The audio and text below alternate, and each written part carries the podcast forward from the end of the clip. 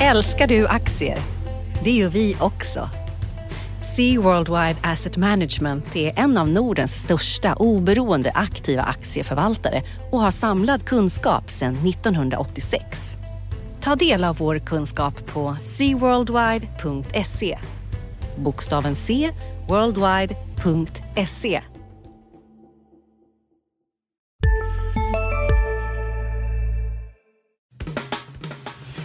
Analyspodden från Dagens Industri. Hej allihopa i Sommarsverige och välkommen till Dagens Industris analyspodd där vi diskuterar hur finansmarknaden beter sig eh, både vad det gäller aktiemarknad och eh, penningmarknad och räntemarknad.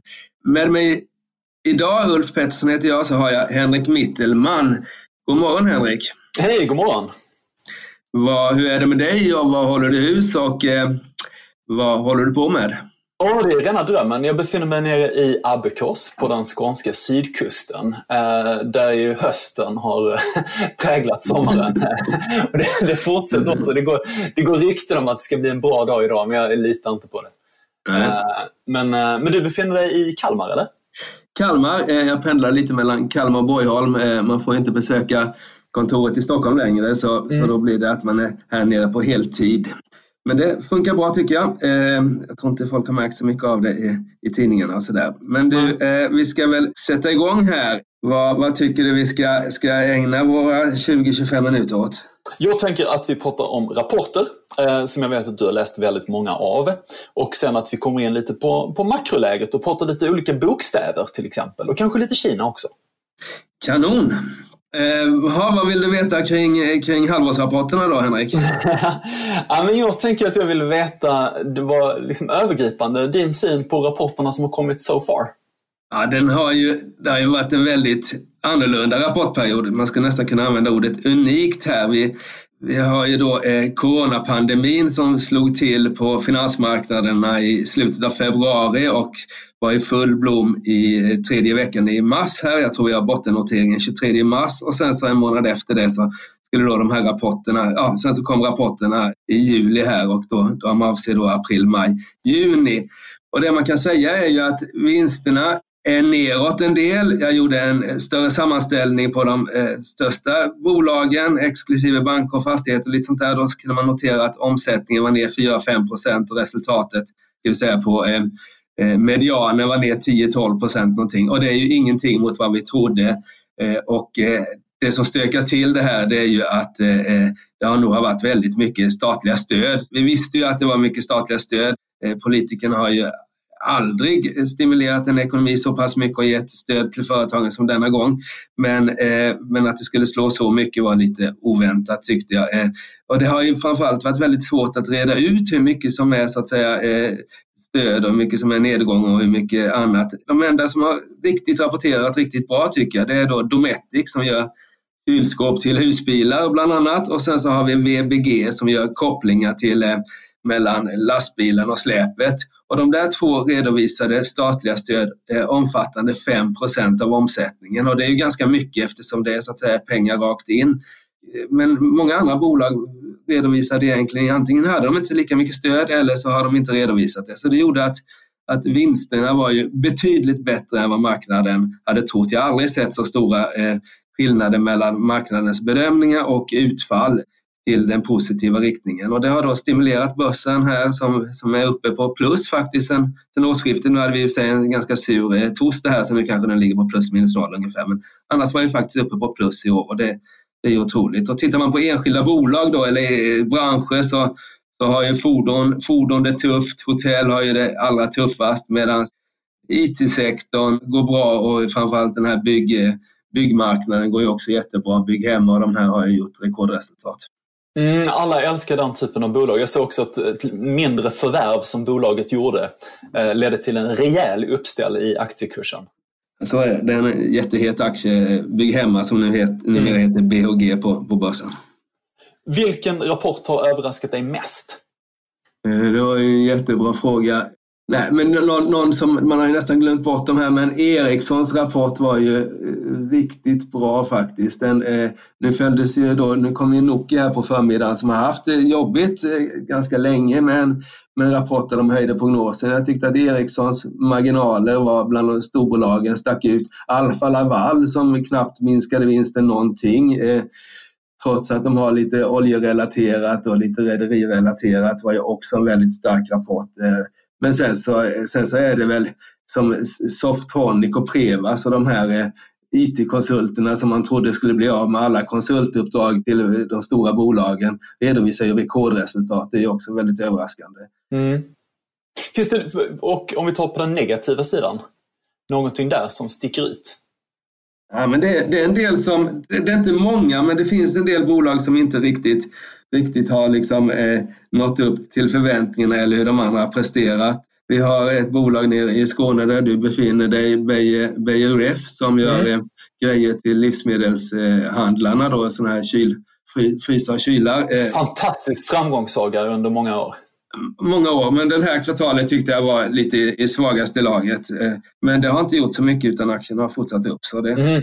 Men, men eh, nej, utan det finns väl en del plumpar men framförallt så är det många utropstecken. Och det här stökar ju till inför Q3 och vi kanske inte behöver prata om dem redan nu då som kommer i oktober men det ska bli intressant att se hur, hur uthållig den här rörelsemarginalsutvecklingen har varit. Som har varit alltså det är många bolag som till och med har ökat rörelsemarginalen det här kvartalet och det trodde man väl Givet allt det du har läst och allt du har sett under de senaste veckorna, är det några aktier som du tycker är extra spännande just nu? Eh, det är svårt, men då skulle jag nog välja någon sån här, eh, skulle jag nog eh, bottenfiska lite grann och se på banksektorn som inte har hängt med här eh, och vars rapporter var eh, överlag bra. Det var väldigt stora skillnader eftersom det beror på hur man redovisar sina kreditförluster. Men men eh, bankrapporterna och sett till värderingen så är de ganska lågt värderade. Mm. Och sen har vi ju det här något som man såg lite grann i rapporterna eh, är ju kron, kroneffekten. De stora verkstadsbolagen redovisade eh, så att säga valutaförluster den här, det här kvartalet jämfört med Q1. Men det där kommer ju tillta. Det är något som har hänt det hände ju redan under andra kvartalet men men framförallt så har ju kronan stärkts i juli och framförallt har den stärkts mot dollarn. Jag tror att kronan har stärkts en 7-8 procent bara de här två, tre veckorna. Har varit igång i ja, det var fyra veckor i juli.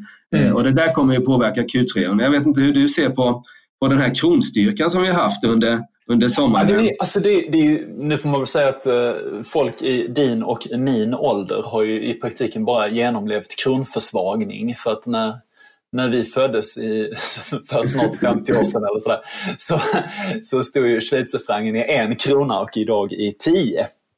Eh, och alla förvånas över att vi inte åker på semester till Alperna längre. Men det är en annan sak. Eh, det är ju en enorm kronförstärkning vi har sett på väldigt, väldigt kort tid. Alltså, det är 17 procent mot dollarn sedan i våras. Så det har gått väldigt, väldigt fort. Eh, men hur tycker du att bolagen hanterar det? Ja, nu för tiden, det som jag, jag läste igenom deras eh, känslighetsanalys och deras valutapolicy och det man kan notera är väl att jag tror att bolagen inte lika mycket som förut säkrar sina valutor. Man försöker väldigt mycket matcha sina valutor. De flesta har dollar och eurolån. Ehm, Eh, och lånar inte så mycket svenska kronor just för att få in skulder och inte bara ha tillgångar i utländsk valuta. Men sen så gör man ju förstås en del valutahedging. Men jag skulle säga att eh, valutahedgningen trendmässigt tror jag den har, har, gått ner en del här. Jag vet att mm. Atlas Copco som är Stockholmsbörsens största bolag, de, de resonerar som att på lång sikt så liksom får valutan bli lite som den blir. Så de, det enda de hedgar är egentligen omräkningseffekterna i sina utländska dotterbolag. Vinsterna i dotterbolagen hedgar man en del, men den löpande verksamheten hedgar man inte, annat om det skulle vara ett, ett annat större projekt. Då. Men jag tror att, att man låter liksom valutorna bli lite som de är här och då, mm. det betyder att det slår ganska snabbt, framförallt den här omräkningseffekten, alltså när ska vi säga Swedish Match som har en stor verksamhet i USA så kanske de tjänar de redovisar inte det, men säg att de tjänar ett par miljarder kronor i sin amerikanska verksamhet. Eh, mm. Förr i tiden så, och det gör ju att de är 17 procent lägre än vad de var i, i våras då i, i kronor räknat. Så det slår nog lite snabbare än vad vi tidigare gjorde. Tidigare var det fler och längre hedgar. Idag tror jag man låter liksom är lite mer laissez-faire kring, kring mm. valutan. Lite mer som en traditionell aktieförvaltare som inte heller brukar säkra sina valutaflöden. Nej, nej. och det är lite intressant för tar man, nu har ju aktiemarknaden, det är lätt att bli så bäsig. nu känns det, när man varit med ett tag här så med de här låga räntorna är det ju som sagt var svårt att hitta något annat än aktier. Det, och de här mm. räntorna, det kan vi prata mer om, det kan ju du, men det känns ju som att vi pratar om, om decennier med låga räntor om det inte mm. händer något då. Eh, men eh, tar vi kron, kronförstärkning mot dollarn på 17 procent och samtidigt som Stockholmsbörsen har gått upp lika mycket som USA-börsen, S&P 500 i alla fall, så betyder det ju då att eh, svenska aktier, svenska bolag har faktiskt blivit 17 procent dyrare än sina amerikanska kollegor eftersom de har gått upp lika mycket på börsen men så har vi då den här kroneffekten och det där det. bör slå på marknaden. Jag, vi har helt glömt bort kronförstärkningen i den här euforin kring corona och sånt där eh, har vi haft och framförallt de här statliga stöden då på bolagsrapporten. Du skrev i torsdagens DI en analys om just detta och radade upp en del bolag som är, eh, får störst bekymmer av kronförstärkningen. Bland annat skogsbolagen och lite råvarurelaterat. Boliden, Holmen, SCA, Ja, så är det ju. Så är det, ju. det, det är ganska, dels så, så säkrar de ingenting så det slår ganska snabbt, men sen är det ju att deras eh, slutprodukter, om vi tar Bolidens eh, metaller, prissätts ju i dollar och även eh, massapriser och en del andra skogsprodukter prissätts också i, i dollar. Så där får de ju liksom, de har ju ingen försäljning. liksom, dels är det export då, och plus att själva produkten prissätts på världsmarknaden i dollarn så då blir det en väldig effekt. Plus att de, har då, eh, de här bolagen har ju väldigt mycket eh, inhemsk produktion. Många andra verkstadsbolag har ju betydligt mer lokal produktion nu än vad man hade för ett par decennier sedan. Men mm. vad det gäller skogsbolagen och de du nämnde där och Boliden så är ju det svenska eller i Bolidens fall nordisk produktion och då blir det ju då blir det ganska stora effekter av eh, valutakurserna. Så de, de är de som kommer drabbas hårdast här under tredje kvartalet. Så se upp för Boliden, Holmen och SCA? Så kan man väl säga, tycker jag.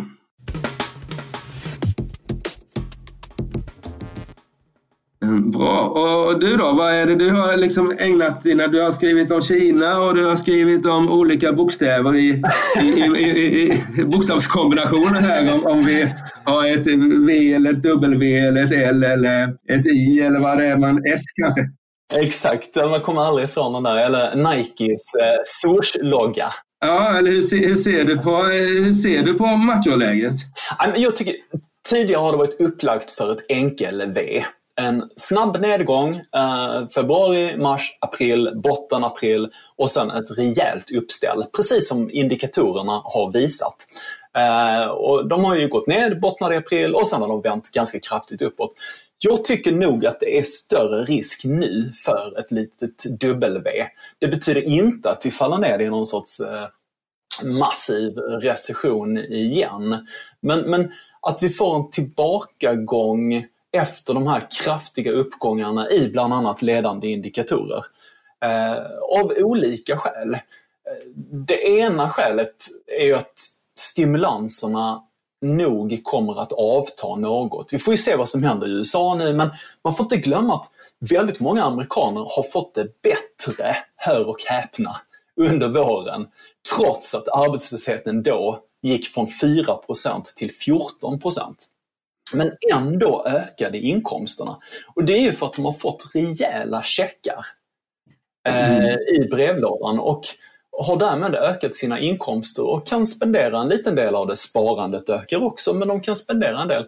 Så att, vad händer nu när det där avtar? Ja, då får man ju lita på att arbetsmarknaden snabbt kommer tillbaka. Och det tror inte jag. Där kan vi gå tillbaka till vår hemmamarknad, till Sverige. Det är ungefär en mm. halv miljon människor i Sverige som har antingen förkortat sin arbetstid, det kan vara gigarbetare mm. eller egenföretagare som märker av eh, sänkt efterfrågan, eh, eller har blivit permitterade. Sista dagarna nu på vårens stora season sale. Passa på att göra sommarfint hemma, både inne och ute och fynda till fantastiska priser. Måndagen den 6 maj avslutar vi med Kvällsöppet i 21. Välkommen till Mio. Hej, Synoptik här. Visste du att solens UV-strålar kan vara skadliga och åldra dina ögon i förtid? Kom in till oss så hjälper vi dig att hitta rätt solglasögon som skyddar dina ögon. Välkommen till Synoptik. Mm. Eller varslade. Så det är en halv miljon människor som verkar vara ganska konfidenta och tro att allting kommer att lösa sig framåt hösten. Eh, annars skulle man ju inte gå och shoppa loss i sällanköpsvaruhandeln på det sätt som man har gjort. Mm.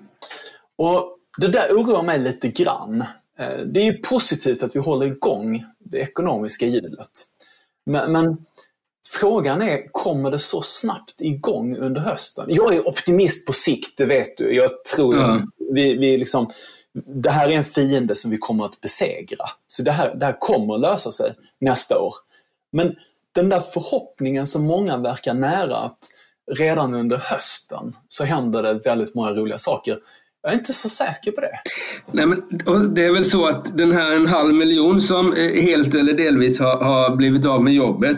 Eh, är det någonting som är trögrörligt som sirap i, i den ekonomiska världen så är det ju eh, eh arbetsmarknaden. Att även, även om det så att säga skulle ta fart så ska det mycket till innan folk börja anställa igen. Det gör man ju så att säga när man har uttömt andra möjligheter. Eller vad, vad är din syn på det här så att, att de här 500 000 så att säga snabbt ska kunna komma tillbaka som det såg ut i, i januari är ju inte särskilt troligt, eller hur?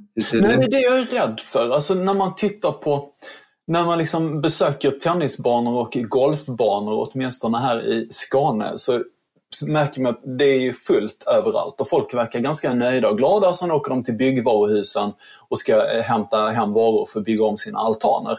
Eh, och det är så delar av permitteringarna ser ut just idag och korttidspermitteringarna. De här människorna måste ju nu tillbaka till jobbet redan tidig höst. Jag är inte så säker på att alla gör det. Eh, och precis som du är inne på, med din sirapliknelse. Risken är ju om, om det nu börjar avskedas folk eh, så kommer det ta tid innan de kommer tillbaka. För det är någonting man har sett genom historien att när, någon, när man väl, företag väl har börjat avskeda, inte bara permittera utan avskeda, då, då dröjer det. Då ska man liksom få upp orderläget på en riktigt hög nivå innan man känner sig konfident nog att, att anställa. Så det, det tycker jag är lite, lite oroväckande.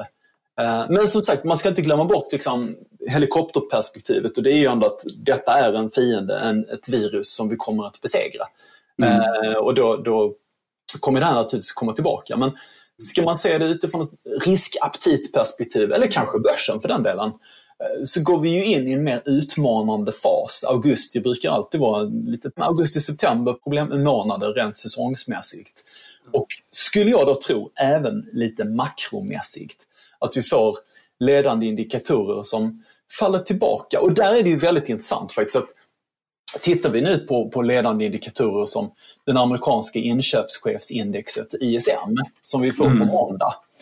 Där är förväntningarna om ytterligare uppgångar till riktigt, riktigt höga nivåer. Och det är möjligt att vi får en månad till, men alltså sen är fallhöjden ganska, ganska hög. Mm.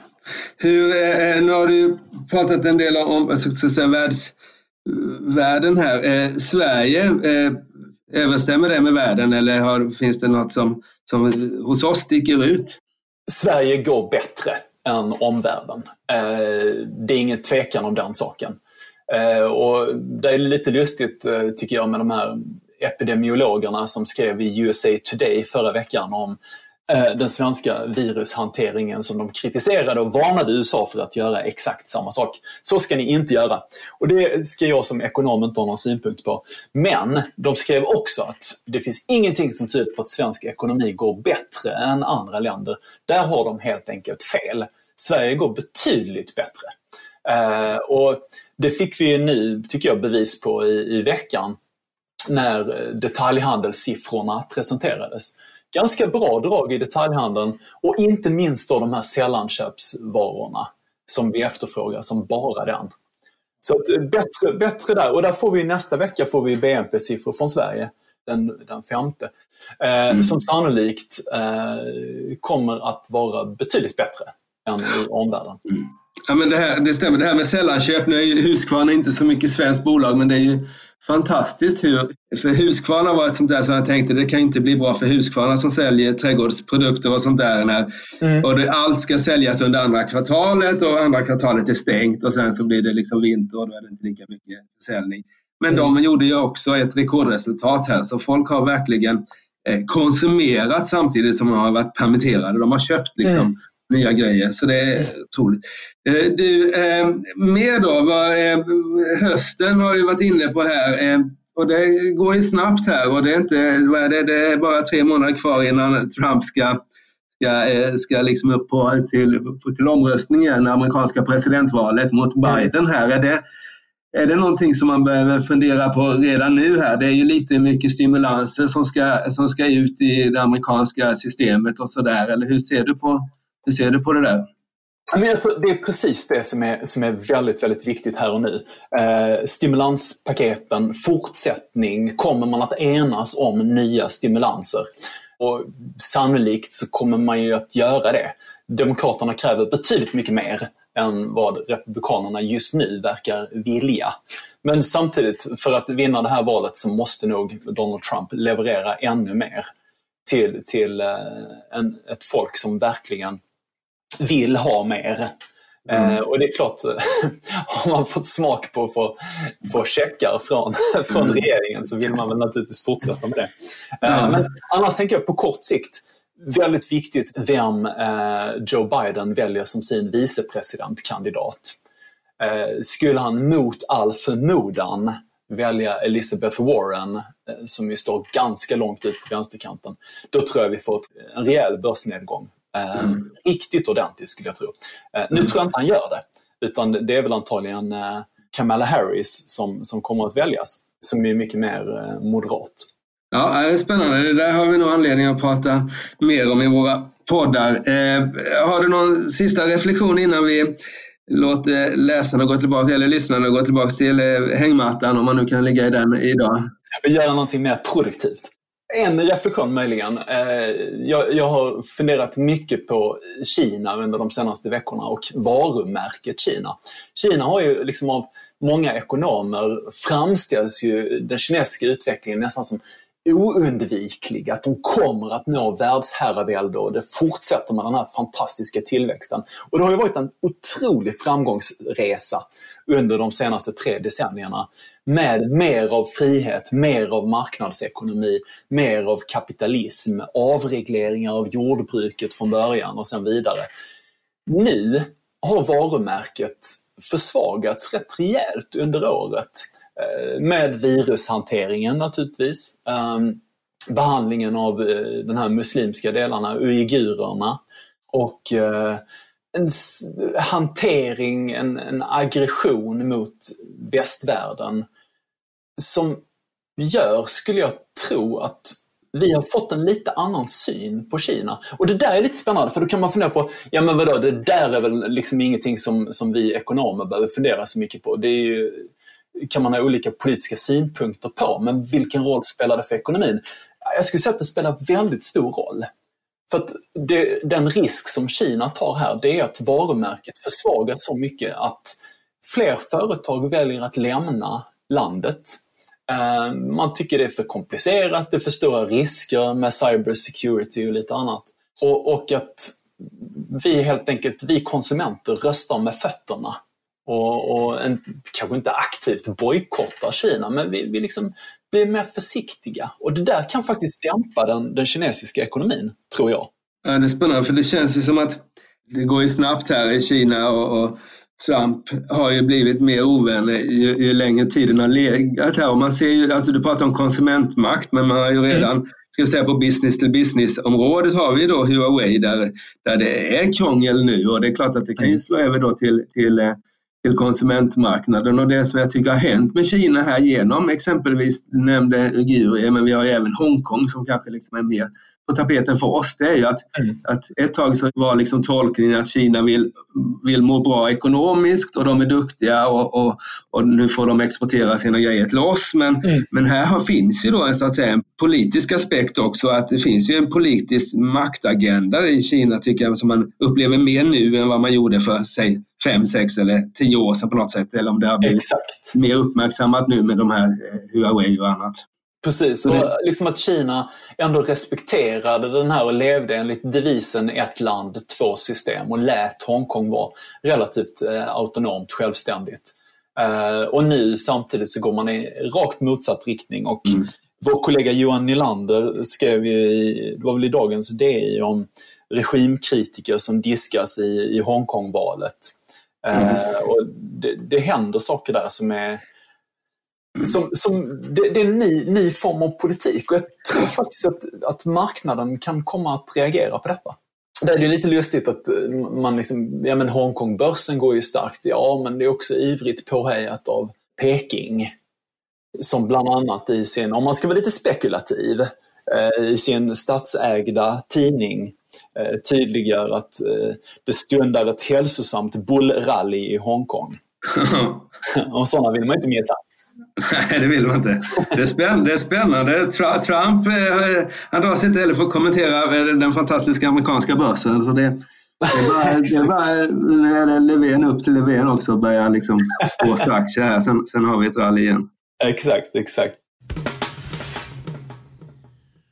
Ska vi, ska vi gå över till veckan som kommer? Ja, det tycker jag. Vad kommer du hålla på med? Ja, men på makrofronten, eh, som jag nämnt tidigare, så skulle jag säga att amerikanska inköpschefsindexet, ISM, eh, är det absolut viktigaste. Och det är det denna månad och alltid. Funnits sedan 1948 och ganska väl eh, fångat eh, stämningsläget i den amerikanska ekonomin.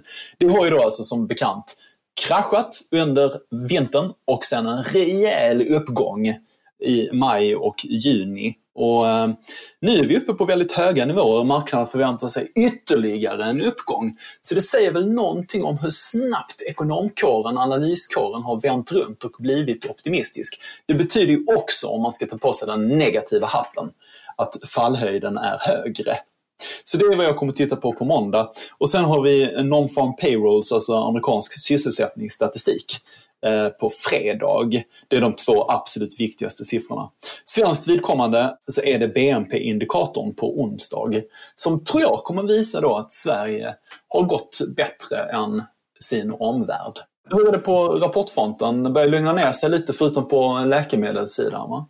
Ja, det är ju inte, det är inte mycket att orda om. Jag ska faktiskt ha semester nästa vecka och det, anledningen är väl att det finns liksom inga inga rapporter på Stockholmsbörsen som är något att ha. Det är första veckan i en ny månad så det kommer lite substansvärden från en del eh, investmentbolag. Och sen så kommer det ju lite, ska vi säga, mellanting mellan makro och företagsstatistik som eh, bil, bilregistreringar och sånt där. Och det kan ju vara intressant men inga, inga klockrena specifika företagshändelser. Vad vi vet nu då men det kan ju hända, hända affärer och sånt där. Men annars är det, tror jag det som du har varit inne på, det är den här eh, makrostatistiken med, med eh, PMI och annat som kommer prägla börsveckan, eh, skulle jag tro. Bra! Kul att prata med dig Henrik. Tack detsamma. Vi får tacka våra lyssnare. Och när ni har lyssnat på det här så får ni gärna gå in och lyssna på våra, alla våra andra poddar. Och de är, blir fler och fler. Vi har ju Digitalpodden som handlar om teknikföretag och händelser i den sektorn. Vi har Makropodden som eh, sköts av våra makromänniskor och sen så har vi en ledarskapspodd som heter Förnuft och känsla. Och så har vi ju en daglig podd också från, från vår tv-redaktion här. Tack så mycket för att ni lyssnade och ni får en fortsatt skön sommar hälsar vi på Dagens Industris analysavdelning. Tack! Tack själv! Analyspodden från Dagens Industri Programmet redigerades av Umami Produktion. Ansvarig utgivare Peter Fellman.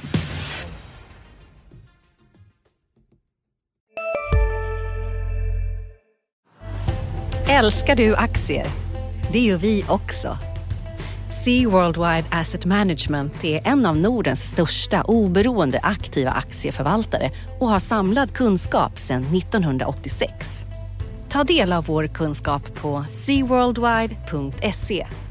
bokstaven C, worldwide.se